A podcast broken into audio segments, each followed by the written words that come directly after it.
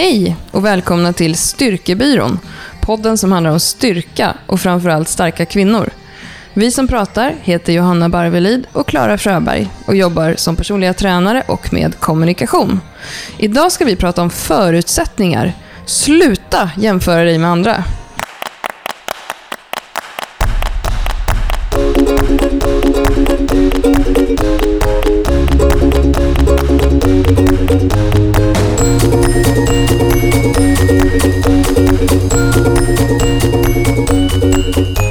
Vi har ju fått en hel del frågor från eh, er som lyssnar, vilket vi tycker är jättekul. Och vi får frågor, just mycket frågor kring teknik, vi får frågor kring hur ska man lyfta, hur mycket ska man lyfta, vad, eh, hur mycket ska man lyfta i varje del och så vidare.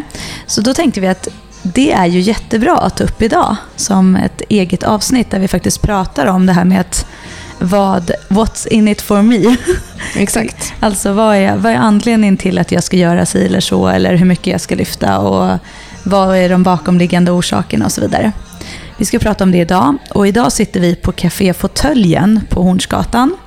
Eh, så om det är lite ljud i bakgrunden så är det någon typ av musik. Det är alltså inte en porrklubb utan det är ett café men eh, vi hoppas det ska bli bra. Men som du sa Johanna så har vi fått eh, kanske ja, några gånger i veckan faktiskt, sen vi drog igång den här podden, har vi fått frågor om hur mycket borde jag ta eh, i olika övningar. Till exempel knäböj, marklyft, bänkpress. Alltså tjejer som skriver in och frågar Hej, jag är så här gammal, jag har tränat så här mycket, eh, idag lyfter jag så här mycket, men hur mycket borde jag lyfta? Hur mycket borde jag ta? Eh, och vad säger du om det Johanna? Hur mycket borde man ta? Ja, det, så här, det är faktiskt så att det finns ju, det finns ju så tabeller som säger att om du väger så här mycket och är så här lång så, så borde du ligga här om du är motionär, om du är elit och så vidare. Men grejen är att det är ju helt irrelevant. För att allting handlar ju om vad ditt utgångsläge är, var du är idag, hur mycket du har tränat, eh, vad som är rimligt för dig med de förutsättningarna du har. Och då blir det ju helt, då blir det, spelar ingen roll vad, vad någon annan säger att är ett normalläge eller vad som finns för diagram. Utan det som blir relevant för dig, det är ju ditt läge, ditt utgångsläge. Och jag tror att det finns ingen... Om jag ska bara jämföra mig med andra, jag sitter ju och tittar på vad andra tar som tävlar. Och så sitter jag och tittar på de som ska tävla i den klassen som jag tänker och så tar de jättemycket. Och så tänker jag så här måste jag också ta. Och jo, jag måste ju ta ett visst antal kilo om jag ska tävla och jag ska vinna över de här personerna. Men samtidigt blir det fortfarande orelevant för mig att jämföra mig. För jag måste jämföra mig med mig själv och öka mina vikter. Så att, svar på den frågan skulle jag säga att det spelar ingen roll vad, vad någon annan gör, utan det handlar om ditt utgångsläge. Ja, och just där också, hur mycket har du tränat på det som, eh, som du vill bli bra på? Till exempel, det har ju vi berättat om förut, att i våras så kör, började jag köra bänkpress och då har jag aldrig kört bänkpress förut. Och då ökade jag också mina vikter eh, mycket under en tre månaders period. Men det är ju inte för att jag är eh, jättestark som jag ökar jättemycket. Det är snarare tvärtom för att jag var nybörjare. Och det hade ju varit jättedumt för mig om jag hade först hade varit och tittat på någon tabell. Ja, men hur mycket borde jag ta i bänkpress då? Mm. Eh, utan det som jag gjorde var ju att jag började med att eh, testa. Hur, hur tungt orkar jag lyfta eh, den här skivstången en gång? Och sen så började jag därifrån. Det är helt poänglöst för mig att, att fokusera på något som jag som kanske har lång tid kvar att uppnå. Till exempel när det gäller just bänkpressen så lyfter ju du Johanna 20 kilo mer än mig i bänken. Eh, och det gör ju inte att jag det skrev jag faktiskt till någon som skrev in till oss och frågade. Det gör ju inte att jag känner mig som en svag tjej för det. Jag, jag är stark. Eh, jag tar ungefär min kroppsvikt i bänk. Eh, det är jättebra. Liksom. Varför ska jag hålla på eh, och må dåligt över att du tar 20 kilo mer? Det är ju faktiskt inte så att hela Sveriges befolkning tävlar i SM. Varför ska jag jämföra mig med det?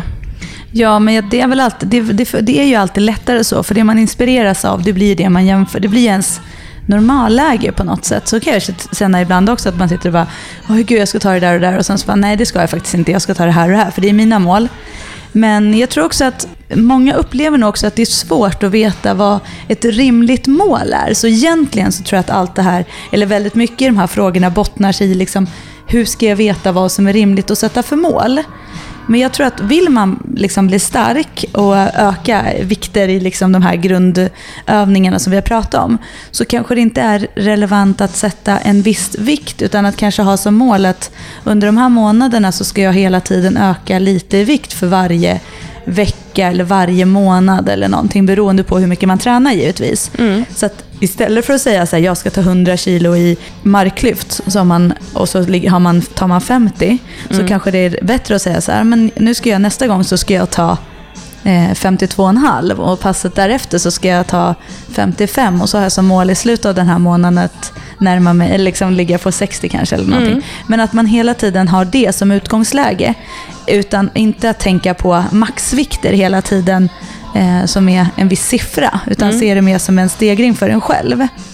För vi har ju pratat också väldigt mycket om det här att det handlar ju faktiskt också om att bygga upp någonting kring det här maxlyften. Så att man inte bara lyfter tungt, lyfter max och sen så skadar sig och så på något sätt så den här platån vi har pratat om att det bara rasar för att man skadar sig. Ja, men också det här med att träna på att faktiskt ta i när man tränar. Det är ju också någonting som Ehm, jag tror att många är väldigt ovana vid. Därför att det är svårt att veta hur det ska kännas när det är tungt.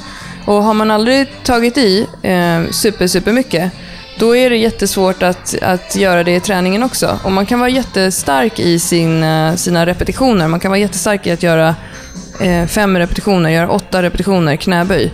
Men sen när man ska göra en repetition riktigt tungt så kan det vara jättesvårt. Och det, det kan många gånger vara så att de personer som är bra på att tävla i då till exempel styrkelyft, de är väldigt bra på att ta i mycket.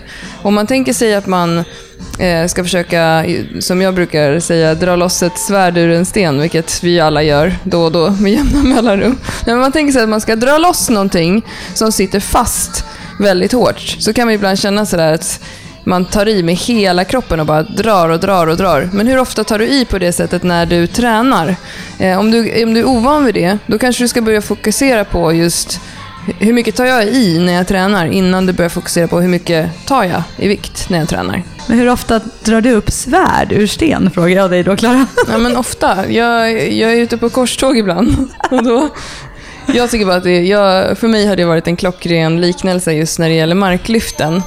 För att ehm, eh, skapa förståelsen för hur du vill spjärna med kroppen för att dra den där stången. Och Det är ungefär samma sak som om du tänker att du sätter dig, mm, sätter dig ner på golvet med fötterna mot en vägg och så trycker du ut dig från den där väggen. Det är lite samma sak. Men just det här att skapa kraft, det är också någonting som vi återkommer ofta till. Att Eh, om du vill bli stark så måste du också kunna skapa kraft. Och faktum är ju att vissa personer är bättre på det än andra. Att, att skapa den där kraften. Och det, en, det finns ju en viss kategori av ehm, PT-kunder, nu generaliserar jag lite också, som eh, tycker att det är lite obehagligt att ta i. Som, som, tycker, som säger så här, oh, nej, men det här känns lite jobbigt och det här känns lite tungt. Och, ehm, och det är det om man är ovan. Men eh, om man, det kan man också öva på, att lära sig att verkligen ta i utav bara, nu jag, helvete. Eh, Ja, men, och det är ju, har man inte gjort det, har man inte tränat den typen av träning så är det ju inte självklart. Så är det ju med allting som är, som är nytt. Och det, är det kan ju upplevas väldigt obehagligt i början. Mm. Och att när, vad är skillnaden också på att det är tungt och tufft?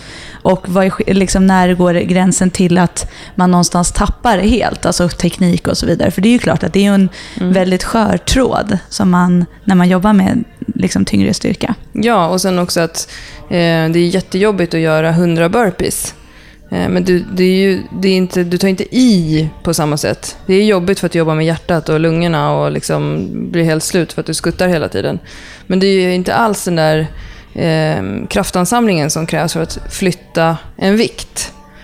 Eh, men absolut, alltid tekniken först. Det, jag tror att nu har vi sagt det så många gånger. Ja, nu sitter det. nu, vad- men jag hoppas det. Men det kan ju komma nya lyssnare. Så Ja. aldrig skada. Men jag tycker det är jättebra med den där svärd, det här svärdet genom ge- jämförelsen. För att det handlar också om det här med att faktiskt luta sig bakåt i marklyftet. Tänk, eller tänka att liksom samla kraften bakåt lite. Mm. Så att jag, jag gillar faktiskt den också. Jag brukar använda den ibland. Och ibland så upplever jag ändå att, att ehm, många av mina kunder får så här, jaha, är det så du menar? Kunde du inte sagt det från början? Ja, Ja, ja, det upplever jag också. Just det här att verkligen dra till. Men vad heter det, jag tänker också på det här med, för att även om det är så att vikten i sig är bara relevant för mig själv och att min ökning är helt orelevant för någon annan eller vad någon annan gör, så kan man ju säga att rent generellt så är man ju ofta starkast i marklyft. Man är näst starkast i knäböj och sen är det bänkpress och efter det pressar. Så det är en generalisering utan att säga vikter. Men om man tänker, och, men å andra sidan om det skulle vara så att jag är starkare i knäböj än vad jag är i eh, vad heter det, marklyft, eller om det skulle vara annorlunda, så är det inte så att det är så här, jaha, vad, ska jag, vad gör jag åt det? Det spelar ju fortfarande ingen roll, såvida du inte har ett mål med något av de andra, eller att du ska vara det, blir ändå, det spelar ändå ingen roll. Men det, för det kan ju faktiskt vara så att du är överkroppsstarkare eller att du är liksom, det beror helt på vad du har för förutsättningar som sagt och hur du har tränat innan. Ja men det är klart som tusan om man har bara tränat bänkpress så kommer man vara stark i bänkpressen. Så är det ju. Och när du säger så Johanna så tänker jag också på det här med att vi har olika förutsättningar för olika lyft och för olika lyftstilar. Eh, och vi brukar prata om det här med olika startpositioner när det gäller till exempel marklyft. Att det är skillnad på såklart hur jag står när jag håller i stången beroende på om jag har långa eller korta armar eller långa eller korta ben. Alltså hur min kropp är uppbyggd. Och till exempel när du och jag gjorde sälrodd på gymmet häromdagen, det är alltså när man, gör, man, gör, man ligger på mage och gör skivstångsrodd under bänken. Så man behöver bygga upp den lite. det lät jätteroligt. man ligger på mage under bänken och gör rodd. Okay, man ligger på bänken. ja, men då, då hade vi byggt upp eh, en vanlig sån här styrketräningsbänk på två stycken mm. boxar två lådor för att den skulle komma upp ordentligt och eh, skulle ta tag i skivstången där under. Och jag fick ju, nådde inte ner till skivstången.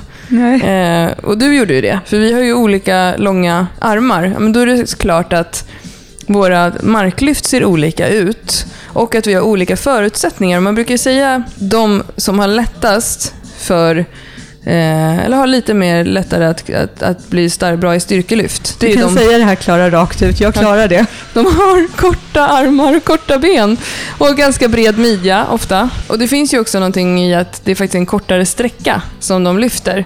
Är man väldigt lång så drar man ju marklyftet en längre sträcka. Vissa långa personer brukar till exempel gilla att göra sumomarklyft när man står med, eh, med benen isär.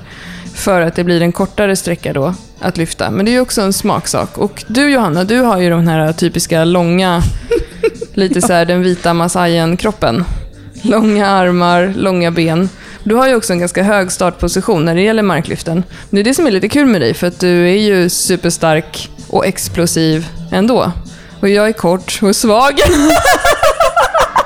Nej, du är inte svag Klara. Jag är inte faktiskt, jag, jag, säger alltid att jag är så kort också. Jag, jag, jag, alltså, är jag, inte. Jag, inte jag. Men, Medellängd. Ja, men det där är faktiskt ganska kul. För jag tänkte faktiskt på det där, jag, som, jag, som jag har sagt förut, det, för mig spelar det, det är så här orelevant. För att jag tänker att jag blir, får bli starkare, jag ska klara ett visst antal vikter så kommer jag ha en chans att komma där jag vill. Men, men det är ju lite så att eh, om man tittar på liksom, de som är riktigt duktiga så är det inte så många som är så här, nej, de är inte så långa. Det är inga 1,85 tjejer nej, oftast i din, i din viktklass? Nej. Och, och då de är mer jag, breda än vad de är långa? Ja, och då tänkte jag så här, nej men man kanske skulle kunna få dra av lite på längden. så det vore väl schysst. Äh, äsch. Men, nej, men så är det ju. Det är klart att våra marklyft ser olika ut och det skulle vara konstigt. Jag skulle ju aldrig kunna korrigera dig utifrån mina marklyft och tvärt, inte tvärtom heller. Det ska man också tänka på. För tittar man på en människa som är väldigt lång och ska göra knäböj till exempel, så ska man också tänka på att det är väldigt mycket människa som ska liksom ner på huk. I, mm. Till skillnad från en kort människa som knappt behöver böja sig. Liksom. Eller i bänkpressen, om man ja. har korta armar. Det blir ju en en kortare sträcka. Det är därför man, om man tävlar i bänk så vill man flytta ut händerna så långt mm. som man får enligt reglerna, vilket är att man måste ha ett, ett finger på ringarna som sitter långt ut på skivstången. Men det är ju för att du vill lyfta en kortare sträcka. Har du då redan korta armar, det är klart att det blir lättare då. Det är därför du vill brygga upp det också. Det ultimata är ju att ha en extrem brygga och jättekorta armar och sen bänkar man liksom en decimeter. Ja. Till skillnad från mig som bänkar tre liksom. Ja. Precis. Ja. Men då jag tänker jag så här att jag gör ju en större rörelse. Det är ju bra. För då blir man ju ändå starkare i längden. Ja, ja men just som vi pratade om i förra avsnittet om knäböj. Alltså, varför ska man jämföra sig också om man inte ska tävla? Hitta ditt utgångsläge och jobba därifrån hela tiden. Och, alltså, jag tycker att det är stencoolt med personer som vågar göra de bästa repetitionerna på allting. Vi, sa, vi pratade ju om det här med att om du kan göra fem stycken likadana repetitioner i en rörelse så kan du gå vidare till nästa vikt. Så jobbar vi ofta med våra PT-kunder. Att inte lassa på om inte rörelsen finns där.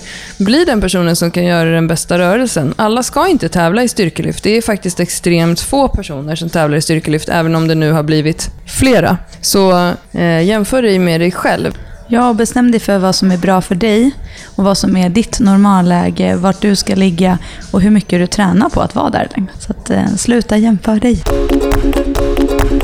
Men apropå det här med förutsättningar, Klara. Alltså om man, för mig, du är ju stark. Även om du säger så här, jag är inte så stark, så är du stark. Men dina förutsättningar att vara där du är, är ju egentligen inte heller så... Eller du har inte, du har inte haft så mycket förutsättningar för att vara där du är idag. Nej, jag, kommer att tänka på det. Du och jag tränade, gjorde knäböj förra veckan på ett ställe där vi inte brukar träna och hamnade framför en spegel. Eh, vilket är jättedumt. Jag skulle rekommendera ingen som lyssnar på den här podden att göra knäböj framför en spegel, utan hellre filma om du vill titta hur det ser ut. Men det gjorde ju att jag såg mig själv och såg mitt eh, högra ben eh, som liksom rör sig på ett sätt som jag inte tänker på längre att det gör. Det märks när jag gör knäböj för att det åker in lite nu har jag jobbat mycket med knät, men hela benet sitter liksom lite skevt. Och det är så att när jag var 27 så ramlade jag eh, i en olycka och skadade mitt ben väldigt mycket. Jag bröt båda benen i benen på flera ställen och blev ihoplappad eh, och har en märgspik inne i eh, det tjocka benet. Och sen så fick jag fyra skruvar också i benet. Eh, så, ehm, eh, och min fot eh, hamnade, efter den här operationen, så hamnade min fot också snett på foten. Så den sitter liksom eh, snedvriden utåt. Vilket gör att jag får en jättekonstig vinkel. Om jag vrider min fot framåt, då vrids mitt knä inåt. Jag erbjöds också att operera om benet på grund av det här. Men då måste man eh, såga av benet. Bryta upp det. det låter Då måste man såga av benet. Ja, då måste man bryta upp benet igen och stoppa i en ny sån där märgspik. Och jag är inte riktigt så jättesugen på den rehaben, men jag har gjort väldigt mycket fram och tillbaka med det där. Men jag har liksom en så här invaliditetsprocent för mitt ben som jag har fått pengar från försäkringsbolag från och sådär. Och under flera år så har jag också haft ganska jobbigt med de här skruvarna som har suttit precis i lederna, i fotled och knäled. Vilket har eh, varit ganska smärtsamt eh, och jag har inte kunnat eh, till exempel springa så mycket för att då har jag fått inflammationer i skruvfästena. Alltså jag är så trött på att prata om mitt ben. Jag blir trött bara jag hör det här. Men när jag började styrketräna lite mer på riktigt efter mitt andra barn, då kunde jag inte göra ett utfall. Eh, det gick inte. Liksom. Knät for åt ett håll, foten åt ett annat, rumpan åt ett tredje håll och jag framåt. Eh, alltså jag har verkligen varit i ett dåligt skick och att hoppa har för mig inte varit ett alternativ förrän nu. Ehm, för nu har jag faktiskt tagit ut två av de här skruvarna, så jag har fortfarande märgspik och två skruvar kvar. Men jag har tagit ut skruvarna som sitter i fotleden, vilket gör att jag inte får inflammationer där när det blir vinter och kallt längre. Ehm, och jag har en helt annan rörlighet i den fotleden, även om den ju aldrig är... Den kommer aldrig bli helt bra. Eh, den kan ju hela tiden bli bättre, men det är ju en stor skillnad. Det märkte ju du och jag när vi gjorde funktionsanalyser, när vi pluggade kroppen tillsammans, att det är jättestor skillnad. Och det här skapar också väldigt stora skevheter i hela kroppen för mig. Eh, så att jag har verkligen kämpat från noll. Eh, men sen så har jag börjat umgås mycket med personer som är starka och som tränar hårt. Och så har jag liksom på vägen glömt bort det där ganska mycket. Tränar mycket med dig, tränar mycket med eh, vår kompis Lovisa som är liksom två äpplen hög och gjorde 25 knäböj på 80 kilo häromdagen. Vilket är helt sjukt.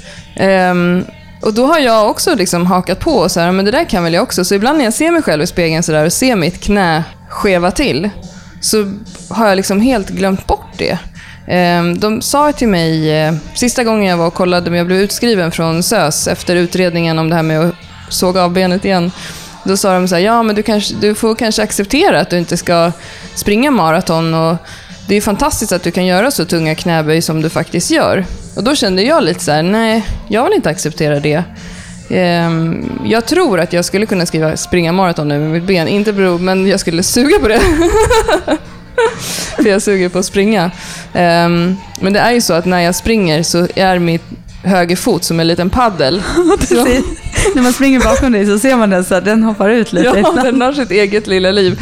Och till exempel när när jag gör enbensmarklyft som vi gjorde här om veckan, då måste jag skicka signaler aktivt från min hjärna ner till min fot att liksom böj på benet. så att ibland så, så tänker jag ju verkligen på det. Men det här gör ju att mina förutsättningar har ju liksom varit de sämsta som finns för att göra de här styrkeövningarna. Men att jag på vägen har glömt bort att jag är, vi skämtade ju en gång här och, jag sa att jag skulle starta en blogg som heter From, From Cripple to Greatness. Och det är ju, skämtade jag om för att jag har en sån här invaliditetsprocent på, jag kommer inte ihåg vad det är, 9-10 procent eller sånt där. Um, och i och med att jag glömt bort det så har jag slutat också att se på mig själv som en person som inte gör de här sakerna. Vilket har ju gjort att jag har ökat väldigt mycket i min träning. För att jag också har ändrat mitt tankesätt kring de här sakerna. Det är klart att jag kan göra knäböj, det är klart att jag kan springa. Det är bara att ibland så, så får jag lite ont. Och som när jag ser mina knäböj så, där, så är de inte, de är ju inte världens snyggaste. Men jag får ju inte Alltså jag, jag är inte skadad, peppar peppar. Jag var mycket mer skadad när jag, innan jag styrketränade. Ja, men och, det är jättekul att du säger så här, för, för det är ju, dina knäböj är ju fina. Vi kollar ju faktiskt på film. Du hade ju filmat från när du körde i morse ju. Mm. Och eh, de, det är jättestor skillnad.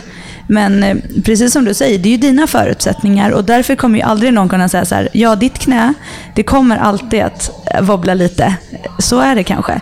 Men och då blir ju det förutsättningarna att du har att jobba ifrån. Du kanske måste ställa ut din fot lite eller tvärtom. Eh, och det är därför som man, precis det som jag säger, att man måste ju hitta sina förutsättningar. Är man väldigt lång i marklyft, ja men då kanske man ska ställa sig lite bredare med fötterna. Eller man kanske ska jobba mer mot en sumo-marklyft till exempel. Men det som är framförallt är att du bestämde dig för att jag ska, jag ska fixa det här.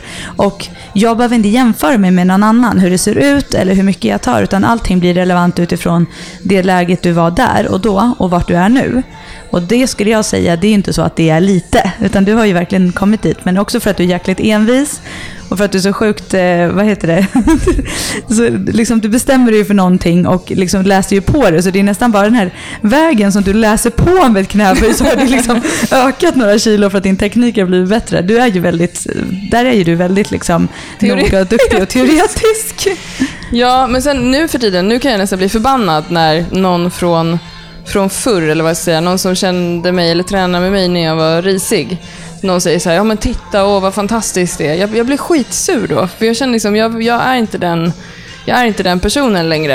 Eh, det är ju, alltså om du ser det runt omkring i gymmen så är det ju var tredje knä faller ju in. Och på män också. Men jag vet att det fanns en period precis när jag hade gjort mig illa. För jag, jag mådde skitdåligt. eh, på den tiden höll jag faktiskt på med löpning en del innan. Jag hade två hundar och jag var väldigt ofta ute i skogen och sprang med dem. Jag cyklade också ofta i skogen och båda de här grejerna eh, slutade jag med efter olyckan. Jag blev jätterädd för att snava för det var det jag gjorde. Jag hamnade med foten i en bergsskreva och så föll jag neråt. Ehm, och foten satt liksom kvar där uppe. Ah, jag har hört det här så många gånger och ändå får jag så här helt rysningar. jag får det själv, för Ja. jag kan minnas ljudet också. Att, Ja. jag, att jag kände så här, nu gick det av. Men ehm, det ändrade ju väldigt mycket mitt, mitt sätt. Och det gjorde också att jag fastnade lite i det där ett tag. Alltså det var liksom mitt alibi. Det var så här, ja men jag och benet liksom. Mm. Jag brukar kalla det för mitt träben. Ja, men det kommer jag bara när vi började så var det ju ändå så här alltid att Jag ja, men jag, kommer aldrig, jag kommer inte kunna göra det här, jag Ja. kan ändå inte göra det här. Och det, så du hade ju ändå det tankesättet, det är något som du också har jobbat bort. Men som jag också tror att du har fått väldigt mycket, för jag vet när vi har tränat så har det varit väldigt mycket så här, det är klart du kommer kunna. Skit i det där, alltså för hitta liksom, kör ditt race. Mm. Ja, och nu kör vi, har ju, vi tränar ju sällan på ställen som har speglar. Och i det gymmet där jag jobbar nu som PT så har jag inga speglar för mina kunder heller. Och eh, det gör ju att jag fokuserar ju på att känna hur rörelsen känns för mig från mitt utgångsläge istället för att stå och titta i spegeln. Står man och tittar i spegeln så hamnar man också ofta i en konstig vinkel. Du och jag brukar ju säga nej när vi får en, en film från en kund som har gjort marklyft och filmat från sidan och står och tittar in i kameran med huvudet vridet 90 grader. Eh, det är ju såklart inte alls bra för nacken och sådär. Och just att man, man får en lite konstigare vinkel i kroppen om man står och tittar på sig själv under tiden. Och för mig har det varit jättebra, för jag har glömt bort att jag är the cripple. Det var någon PT-kund som, som sa det till mig för två veckor sedan när jag skulle visa en utfallsgång. Så sa hon, eh, ja, ah, är det det där som är ditt, liksom, ditt skevben eller någonting? Och då påmindes jag om det så. Men, Ja men förut så levde jag ju med det där varje dag och jag höll på med sjukgymnastik och gummiband och pilatesbollar och hela det där. Men nu har du blivit starkare och nu har det blivit bättre. Ja, Det är bra med styrketräning. Det är ju det, men jag försöker ändå att inte jämföra mig med andra. Just för att jag vill också kunna vara en person som hela tiden ökar min styrka och jag vill inte vara en person som ser mig, på mig som den skadade personen som inte kan. Eh, Så det är ju jätteviktigt. Jag tycker att det är coolt, för att jag tycker som sagt, som jag sa förut också, att jag tycker att du har gjort en jättestor resa för att ändå gått ifrån att vara en, en person som inte alls tränar, som ändå haft en, de förutsättningarna med en ganska rejält bruten fot och ett brutet ben, eh, till att gå dit du är idag som är liksom, så jag skulle säga ju mer än gemene man om man nu ska jämföra, vilket man inte ska göra. Nej, men, så det är ju, men just att, att bestämma sig att utifrån dina förutsättningar, skaffa dina bästa Skaffa dina bästa förutsättningar av det du har. Du har en kropp, du har en historia med den kroppen, du har ett rörelsemönster med den kroppen. Eh, Vi rör oss alla olika, vi dansar alla olika. Eh, Vi kommer lägga ut en bild på vårt Instagram på vår startposition när vi gör raka marklyft. Så kan ni jämföra och se hur olika det kan se ut med olika kroppar. Ja, och även om du har en historia med din kropp och även om du har ett rörelsemönster så har du möjlighet att ändra det om det är det du vill och om det ger dig bättre förutsättningar och att du har någonting som idag stör dig i din träning. Så se till att jobba med det du vill bli bra på istället för att fokusera så mycket på det du, som kanske kroppen inte klarar. Se till att klara det.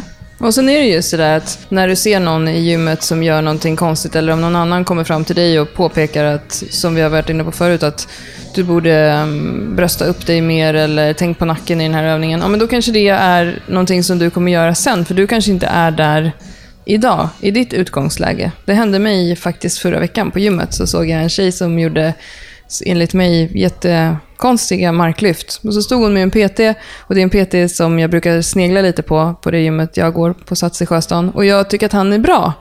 Eh, och så tänkte jag så här, nej, men han har nog en tanke med det här. Han, de, de håller nog på med, de är inne på någonting annat än vad jag tittar på. Det där har inte jag med att göra. Och så fick jag ge mig själv en liten åthutning.